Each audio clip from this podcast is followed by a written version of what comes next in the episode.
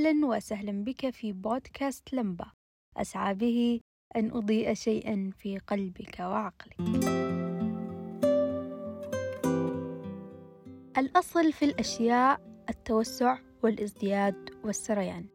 والتوسع أحد أهم القوانين الكونية. قال الله تعالى والسماء بنيناها بأيد وإنا لموسعون. فالسماء تتوسع والكون بأسره يتوسع والنشاط الذي تمارسه تتراكم نتائجه السلبية أو الإيجابية وتتوسع في حياتك. والفكرة التي تؤمن بها تتجذر أكثر في حياتك وتخلق لها أدلة تثبت صحتها.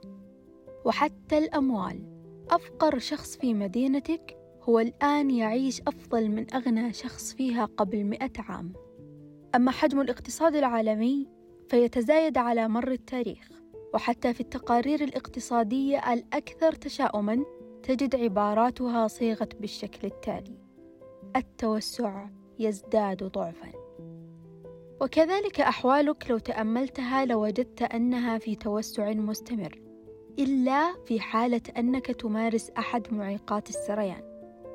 فما هي معيقات السريان؟ وما الذي يعيق حياتك من أن تتطور وتتقدم باستمرار؟ إليك أهمها. أولاً الخوف.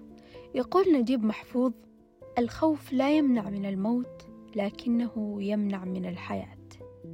الخوف يدمر استحقاقك، ويجعلك تختار أسوأ الخيارات برضا تام وبغيبوبة تامة، تتوهم بها أنك نجوت وحميت نفسك واخترت أسلم الخيارات ويجعلك تسلك الطريق الذي لن يرضيك أبدا لأنه فقط جنبك تصورات وهمية لم تحسمها. الخوف يشبه أن تقرر بلا وعي العيش في الدرك الأسفل من الحياة فقط لأن أحدا سرد لك خرافة الغول الذي في المستويات الأعلى من الحياة. وأريد أن أنوه هنا تنويها من العيار الثقيل. أحذر جدا من الذين يملؤونك بالمخاوف من باب المحبة أو من باب السواليف أو حتى من باب التثقيف. كلها أسباب غير مبررة إطلاقا للتخويف لأنها ستخفض جودة حياتك ولا شيء مما سبق يعد مبررا لخفض جودة حياتك. لا الحب ولا السواليف ولا الإثارة ولا التثقيف لأن أول أساس من أساسيات جودة الحياة الإستقرار والاتزان النفسي. وبه فقط تتمكن من اتخاذ قرارات صائبة. اللي يحب يحذر ما يخوف.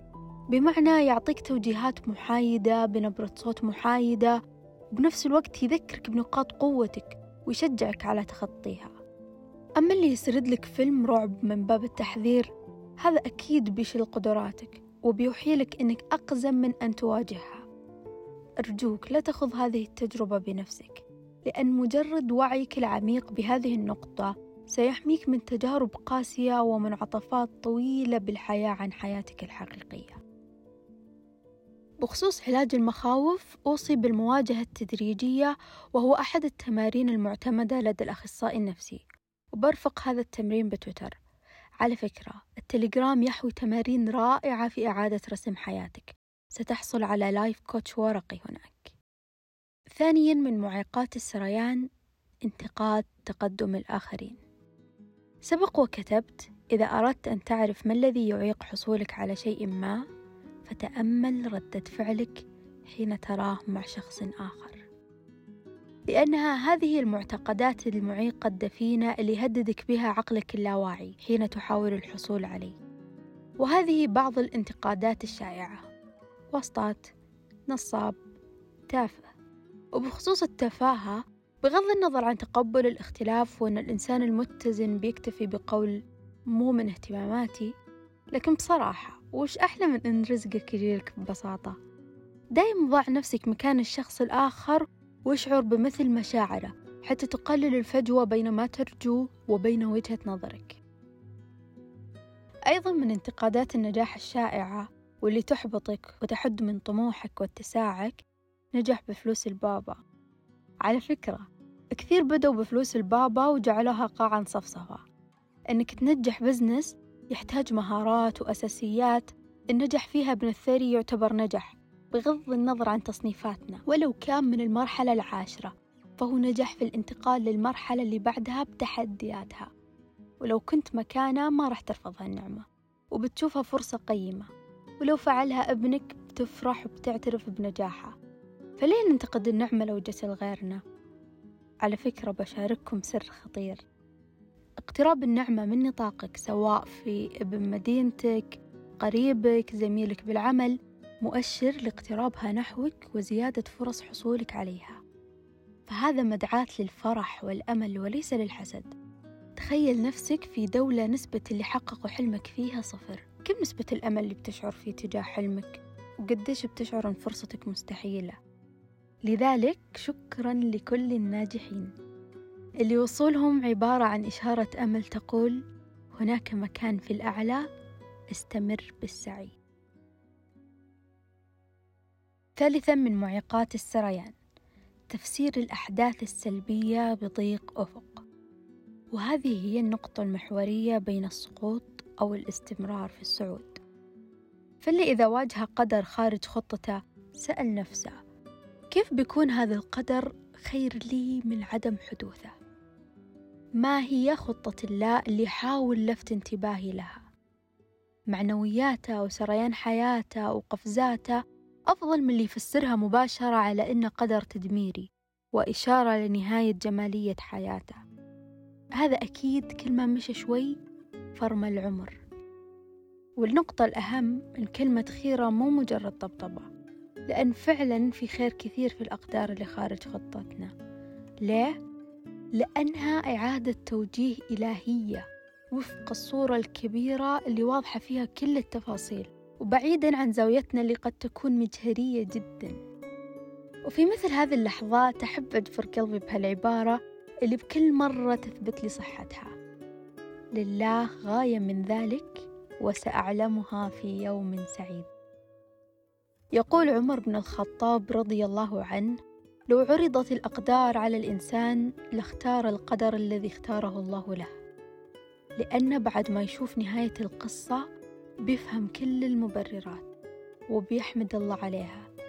فما بالك بسريان حياة شخص رضي وحمد الله عليها قبل ما يوصل لنهاية القصة؟ رابعا عدم عيش اللحظة. هل سبق ولاحظت أنك مجرد ما تمارس شيء تعيش فيه اللحظة تشعر بشيء خارق؟ فجأة همومك زالت وأحزانك وندمك تلاشوا. السر في أنك هنا والآن لست في الأمس ولست في الغد. بقدر ما تعيش في الماضي أو المستقبل بقدر ما تتسرب حياتك منك وتعلق. الماضي مجرد فيلم تشاهده وتستمتع به أو تتعلم منه. والمستقبل عبارة عن ملايين الاحتمالات اللي تختار منها. اللحظة وحدها التي تستطيع أن تعمر حياتك من خلالها. السريان يبدأ من جودة اللحظة. كيف تقيس مدى وجودك باللحظة؟ فعل حواسك كلها. خامسا الندم والحسايف الندم يعني عمي تام عن الفرص اللي تترقبك الآن أو بتجيك بالمستقبل. والخبر السعيد هنا هل تعلم أنك بعد تجاربك اللي فشلت وأخطائك تكون مؤهل ومستحق لتجارب أفضل؟ بمعنى الوظيفة التالية العلاقة التالية كلها يجب أن تكون أفضل مما سبق. لأنك لم تعد نفس الشخص وتطورت وتأهلت لمرحلة أفضل. ولكنك تحجب هذه الفرص بالحسايف وعدم فهم الغاية والمعنى. سادسا ضعف الاستحقاق. والاستحقاق وفق مريم الدخيل هو أن تكون دائما مستعد لاستقبال ما ترجوه وهذا يعني لو تأكدت أن حلمك الأحب إلى قلبك قادم لك خلال ثلاثة أشهر. كيف سيكون شعورك الدائم؟ إلى أي حد بيكون مزاجك رايق طوال اليوم؟ كيف بتكون هيئتك؟ كيف بيكون حسن ظنك بالله وبالأحداث السلبية؟ وكيف بيتغير حكمك على الأمور كيف بتغفر التفاصيل المزعجة وغفرت للأيام كل خطيئة وغفرت للدنيا وسامحت البشر. هذه هي حالة الاستقبال اللي تزيد من سريان حياتك واللي تنجو فيها من غيبوبة الانتظار اللي تعميك فعليا عن كل الخير معد لك واللي تمكنك من التقاط والانتباه لكل ما يحرك حياتك إيجابا. واللي يذكر مثال الراديو بالحلقة الماضية بيفهم النقطة بشكل أعمق. بوضح نقطة شائكة جدا هنا وهي وهم الاستحقاق وهو شائع عند الكثير باسم الوعي وهو بالحقيقة وعي تدميري. وهم الاستحقاق هو الاعتقاد التالي أنا أستحق الأفضل لذلك سأدمر المتاح. وفي الحقيقة بعيدا عن التلميع والتطبيل للإيجو أصدق وسيلة لقياس استحقاقك هي واقعك الحالي. واقعك الآن هو ما تستحقه الآن. أما استحقاقك المستقبلي فستبنيه بسلوكياتك الحالية. ركز. بناء وليس تدمير. أما وفق أحمد عمارة فالاستحقاق هو القبول لكل الاختبارات اللي تواجهك. وطرح هذا المثال الرهيب. قارن فيه بين الشخص المتسم بالقبول والتسليم والاستحقاق العالي والشخص ذا الاستحقاق المنخفض المحتج على واقع وشبههم بطالبين. كلا الطالبين عندهم اختبار مهم للانتقال للمرحلة التالية بمكافآتها وغنائمها. وعندهم أدوات محددة لتجاوز هذا الاختبار. الأول حل اختباره بحب وحماس وروح التحدي ونجح للصف التالي. أما الثاني مستقعد ما يبي يبدأ بالحل لما يعطون الأدوات اللي هو مشترطها ويظن أن هذا استحقاق عالي منه لكنه بالطبع لن يخرج من هذا الامتحان حتى ينهي وبيعلق ينتظر الاختبار والاختبار ينتظر سنين. ركز زين هنا ما في خيار ثالث. إما أن تبدأ بالحل وتنجح للصف التالي وإما أن تشترط وتحتج وتشعر بالظلم وتنتظر الاختبار وينتظرك سنين. ما في سكيب ما في استثناء. يا تحل يا تنتظر. أما الاستحقاق من وجهة نظري أن تستشعر الحجم الحقيقي لما لديك من النعم. لأن عدم استشعارك للنعمة يساوي تماما شعور عدم وجودها.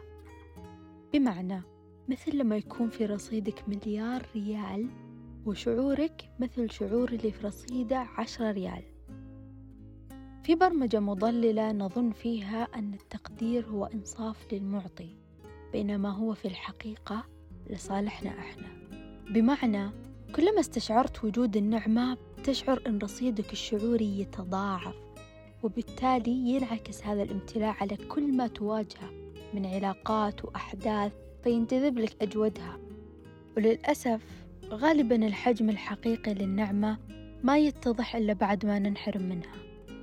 فكيف نشعر بقيمة النعم الحقيقية ونستمتع فيها ونعطيها حقها من التقدير وهي معنا؟ بعيدا عن غبار الاعتياد. بشارككم هذا التمرين الممتع اللي حابة أسويه بعفوية وشعوره شعور بهجة وامتلاء مو طبيعي ويرفع استحقاقك لأعلى مراحله ويعيد إحياء برمجة التقدير فيك. وهو أني أقرر خلال الساعة القادمة أني بأشعر بكل نعمة عندي وكأنها حصلت للتو بنفس عمق الفرحة وبنفس الامتنان. أدخل منزلي وكأني أدخله للمرة الأولى بعد طول تشرد. أرى بعيني وكأني أرى بها للمرة الأولى وأستكشف بها تعدد الألوان والأشكال وبديع خلق الله. أتنفس الهواء النقي للمرة الأولى بعد اختناق. أبتسم للبشر وكأني أراهم لليوم الأول بعد حظر التجول في عشرين عشرين. أرى ضحكات الأطفال وأتأمل كل العوامل التي ساهمت بإظهار هذه الضحكة أمام عيني. الأمن والرفاه والاستقرار. أمسك التحفة التقنية هاتفي بنفس انبهاري الأول قبل عشرة أعوام. بعد انتظار طويل لمواعيد استيسي للآيفون. وأخيرا والأهم أتأمل كل لحظة عز أغناني الله بها عمن سواه وآمنني بها من كل خوف. أتأمل كل مرة لم يكن لي فيها إله إلا الله. سابعا من معيقات السريان عدم تمرير الطاقات التي تكسبها باستمرار. يقول الشافعي إني رأيت وقوف الماء يفسده إن سال طاب وإن لم يدر لم يطب. ولو تأملت حال الدنيا الأرض يخلفها الله لعباده الصالحين اللي يعمرونها وما يكون استخلافهم مجرد احتكار. الأموال تتدفق لمن يحسن إدارتها ويعمر بها الأرض لمن يفيد فيها البشرية. تأمل قائمة أغنى أغنياء العالم وتأمل مدى إضافتهم للبشرية وكيف أن اسمهم بيخلد في التاريخ مو بسبب ثرائهم كثر مدى الفرق اللي أضافوه للبشرية. ومن زاوية ثانية مرة كتب محمد الخميس رحمه الله حاول دائما إذا نجحت تنجح معك اللي حولك عشان إذا سقطت ما تسقط لوحدك وتجد من يساعدك. تعرفت على صديق جديد متميز عرفه على أصدقائك القدامى. عرضت عليك فرصة عمل ورفضتها. اقترح اسم أحد معارفك. تعلمت مهارة أو معلومة جديدة. شاركها من حولك. إذا نهضت انهض باللي حولك. وأضيف إذا جاك خير مرر منه فورا. كسبت مبلغ تصدق منه. فرحت فرحة فرح أحد معك. إذا ذقت جمال شعور جديد مرر هالشعور وذوقه غيرك. وإذا كنت في موضع قوة في أي موقف بالحياة استخدم قوتك في ابتكار شعور رهيب وكأنه معجزة. يعني مثلا شفت طفل بالسوق يتأمل لعبة وكأنها من المستحيلات اشترها له واستمتع بتأمل شعوره الرهيب اللي بيغمره. ومن هذا المنبر أوجه تحية للمستمعين العظماء اللي كانوا في طفولتهم إذا شافوا نملة أغراضها ثقيلة يوصلونها لجحرها اللي بقوله إنك بقدر ما تمنح مثل هذه المشاعر الفريدة أو الفزعة الصعبة بتقدر تستقبل مثلها. لأنك حين تمنحها تدرك إنه سهل وموجود ومتداول بتدرك تفاصيل شعور مستقبلها وبساطة أن تشعر به ومنطقية أن تطلبه وتستقبله. فقد وجهنا الله تعالى بقوله لن تنالوا البر حتى تنفقوا مما تحبون وقوله تعالى إن المصدقين والمصدقات وأقرضوا الله قرضا حسنا يضاعف لهم ولهم أجر كريم. ثامنا من أهم أسرار السريان. أصدر دائما افعالا تمثلك وترضيك تماما. ليست بدافع الخوف. ليست مزروعة من أشخاص آخرين. ليست برمجة لا واعية وليست ردود أفعال. افعالا تتذكرها دائما وترضى عنها. فما الحياة إلا صدى أفكارنا وأفعالنا ومشاعرنا؟ النتائج الأولية لهذه الخطوة قد تخيفك وهي فلترة كل ما لا يشبهك وابعاده عن طريقك. ولكنه مجرد إفساح مساحة للأشياء اللي تشبهك والنتيجة حتما ستبهرك. ليه؟ لأنه لما تختار اختيارات نابعة من حقيقتك هذا يعني شغف دائم ومشاعر عالية. وبالتالي التقاط لإلهامات عالية وعلاقات مميزة وأحداث تتناسب مع مشاعرك. أما لو تصورنا روحك كطفل ودايما تسكتة أو تملي عليه أفعال يرضي بها الآخرين متناسبها رغباته الخاصة كيف تتخيل شغفه واندفاعه للحياة؟ وكيف تتخيل وهو تائه وسط الزحام؟ تاسعا لا تبدأ يومك بدون أن تضع نوايا له. لأنك إن لم تفعل ستكون ضمن نوايا الآخرين. إذا الريح مالت ستميل معها. إن زل أحدهم تعكر يومك الثمين. وإن رضي عنك استمرت حياتك. هذا مو أسلوب حياة يوصلك المكان. عاشرا لتعيش حياة غير معتادة يجب أن تشعر في يومك مشاعر غير معتادة. وتفكر بطريقة غير معتادة وتتصرف بطريقة غير معتادة. يقول ألبرت أينشتاين الغباء هو فعل نفس الشيء مرتين بنفس الأسلوب ونفس الخطوات وانتظار نتائج مختلفة. حادي عشر. إذا أردت دخول الجديد فأفسح مساحة له. كل قديم تتشبث به من أفكار ومشاعر وعلاقات وماديات بعضها فيه من المرونة ما يجعله صالح لكل زمان ومكان. وبعضها فيه من الجمود ما يجعله مرساة تثبتك في موقعك الحالي. وإليك هذه الحقيقة المثيرة. في حال نويت نية قوية وواضحة تجاه مسار جديد وظللت متمسكا بهذا القديم ستتفاجأ بالكون ينتزعه منك بالقوة وبالألم. فالجديد يحتاج وقت ومساحة وطاقة ومشاعر وأولويات تختلف عن ترتيب أولوياتك القديم بالتأكيد. وعيك بهذه النقطة يختصر عليك الكثير من الألم والمحطات الطويلة اللي تعيق حياتك. اثنا عشر. أن تفهم دروسك أولا بأول وما تكون من النوع اللي لازم ينعاد عليك الدرس أكثر من مرة.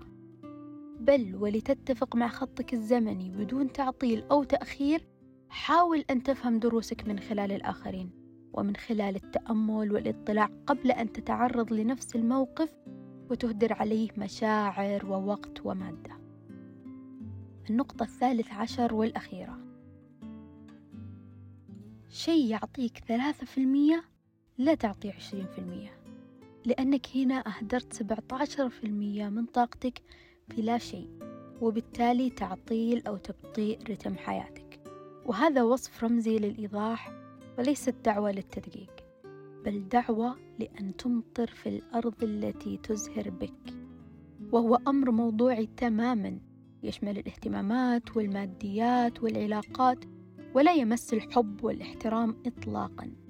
بالعكس العطاء المبالغ منفر جدا حتى للطفل بفطرته النقية.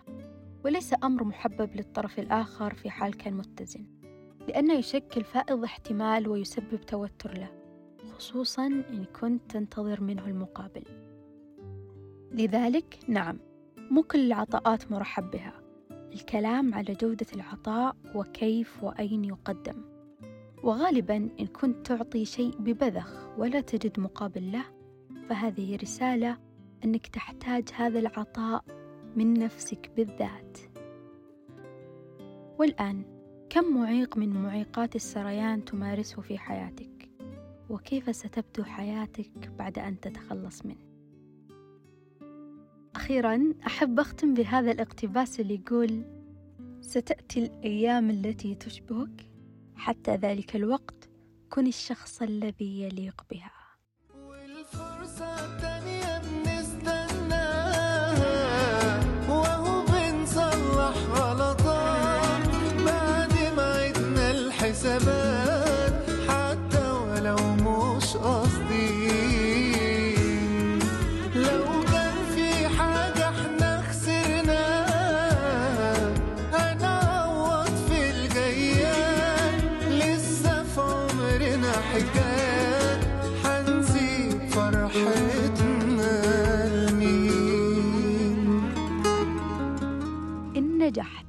أضيء شيئا في قلبك أو عقلك يسرني تقييم الحلقة في برنامج البودكاست ومشاركة الحلقة مع من تحب.